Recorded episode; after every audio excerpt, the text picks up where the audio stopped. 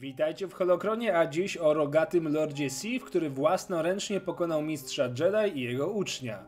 Choć Darth Maul dokonał żywota w Mrocznym Widmie, jego historia jest dość ciekawa, a i sama śmierć jest owiana nutką tajemnicy.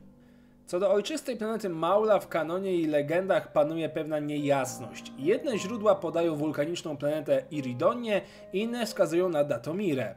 Według Wikipedii winę ponosi za to Obi-Wan, który sam błędnie założył, że ten czerwonoskóry Sith pochodzi z Iridonii, kiedy faktycznie urodził się na Datomirze.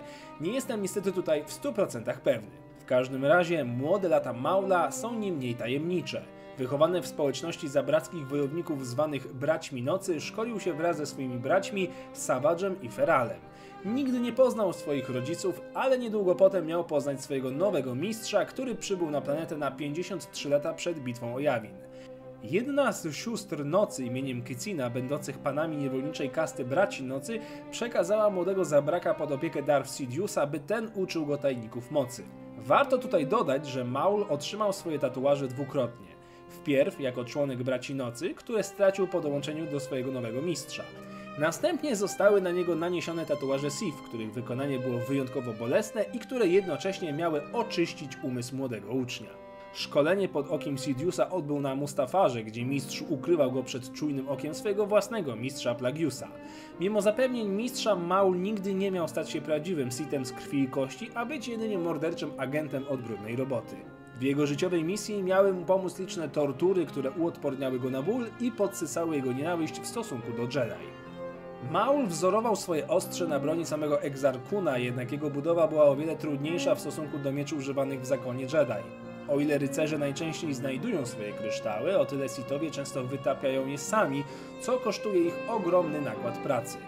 Młody Zabrak, korzystając z holokronu Sithów, poznał plany budowy samego miecza, jak i pieca, który musiał następnie zbudować i kilka dni wytapiać w nim kryształ non-stop, korzystając z potęgi ciemnej strony mocy.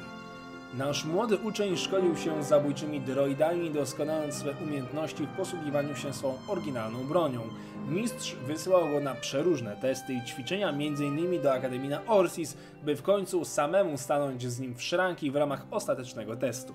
Sidious oczywiście wygrał pojedynek, jednak Maul udowodnił swój talent i otrzymał oczekiwany tytuł Lorda Sith. Następne lata wciąż zmuszały Maula do kolejnych testów i wymagających misji. Brał udział m.in. w kryzysie Ninhorich, podjął się pojedynku z czułym na moc gladiatorem Silusem, któremu ostatecznie odciął głowę, osobiście zabił tłylkańskiego mistrza Jedi Siolo Urmanka, udał się na Dorwale, gdzie współpracował z samym Tarkinem, ówczesnym gubernatorem Eriadu, aż w końcu rozprawił się z samym Czarnym Słońcem, jednym z największych przestępczych syndykatów w galaktyce. A potem jeszcze miał epizod zwany masakrą na realitarze. Jak widać, młody Sith nie próżnował.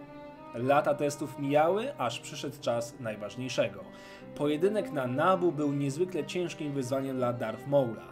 Naprzeciw stanął sam Qui-Gon Jinn wraz z uczniem Obi-Wanem. Teoretycznie Maul pokonał swoich przeciwników, uświercił mistrza, a Kenobiego pchnął mocą w głąb szybu. Ten jednak wykorzystał jego pychę i pewność siebie, by zadać jeden ostateczny cios, który przeciął Sifa na pół. Jego ciała nigdy nie odnaleziono. I tutaj zaczyna się żonglowanie z legendami, niekanonicznością i innymi historiami.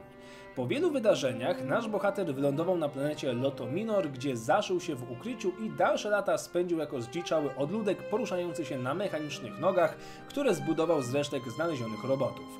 W tym samym czasie jego brat Savage poznał wizję, w której jego brat Maul żyje w innym wymiarze i wymaga pomocy, by wrócić do żywych końcu brat odnalazł swego zdziczałego krewnego i powrócił z nim na Datomirę, gdzie dawny Lord Sith odzyskał pełnię rozumu oraz poprzysiągł zemstę na Obi-Wanie.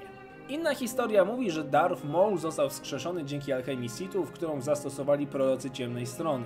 Wskrzeszony Maul pamiętał wszystko aż do chwili śmierci, a jego zadaniem było pokonanie Lorda Vadera i bycie ponownie uczniem samego Imperatora. Vader pojedynek oczywiście wygrał, choć nie bez problemów. Przecięte ponownie zresztą ciało Maula wpadło do lawy. Pierwsza historia dotycząca mechanicznych nóg pojawia się w zbiorze komiksowym pod tytułem Visionaries, a dokładnie w komiksie Stare Rany. Druga historia pojawia się na łamach komiksu pod tytułem Wskrzeszony, wydanym w 2001 roku. O ile druga pozycja jest dziś niekanoniczna, o tyle pierwsza była niekanoniczna jeszcze w czasach, gdy legendy były kanonem, także dziś można by rzec, że jest niekanonicznie niekanoniczna. Jednak po wprowadzeniu serialu Wojny Klonów oraz serialu Rebels, Maul wrócił do kanonu mając dalszą historię. Przyznam, że ciężko jest ustalić, co konkretnie w przypadku Maula jest kanoniczne, a co nie, ale jedno jest pewne. Przeżył pojedynek z Obi-Wanem i na tym jego losy się nie skończyły. Zwieńczenie jego kanonicznej historii poznacie w komiksie Darth Maul Son of Datomir, wydanego w 2014 roku, który bazuje na niezrealizowanych scenariuszach kolejnych odcinków serii Wojny Klonów. Historia tego oryginalnego zabraka jest niezwykle bogata, dlatego zachęcam Was, byście poznali ją na własną rękę. Dzięki za oglądanie, dajcie łapkę w górę, jeżeli podobał się odcinek i niech moc będzie z Wami.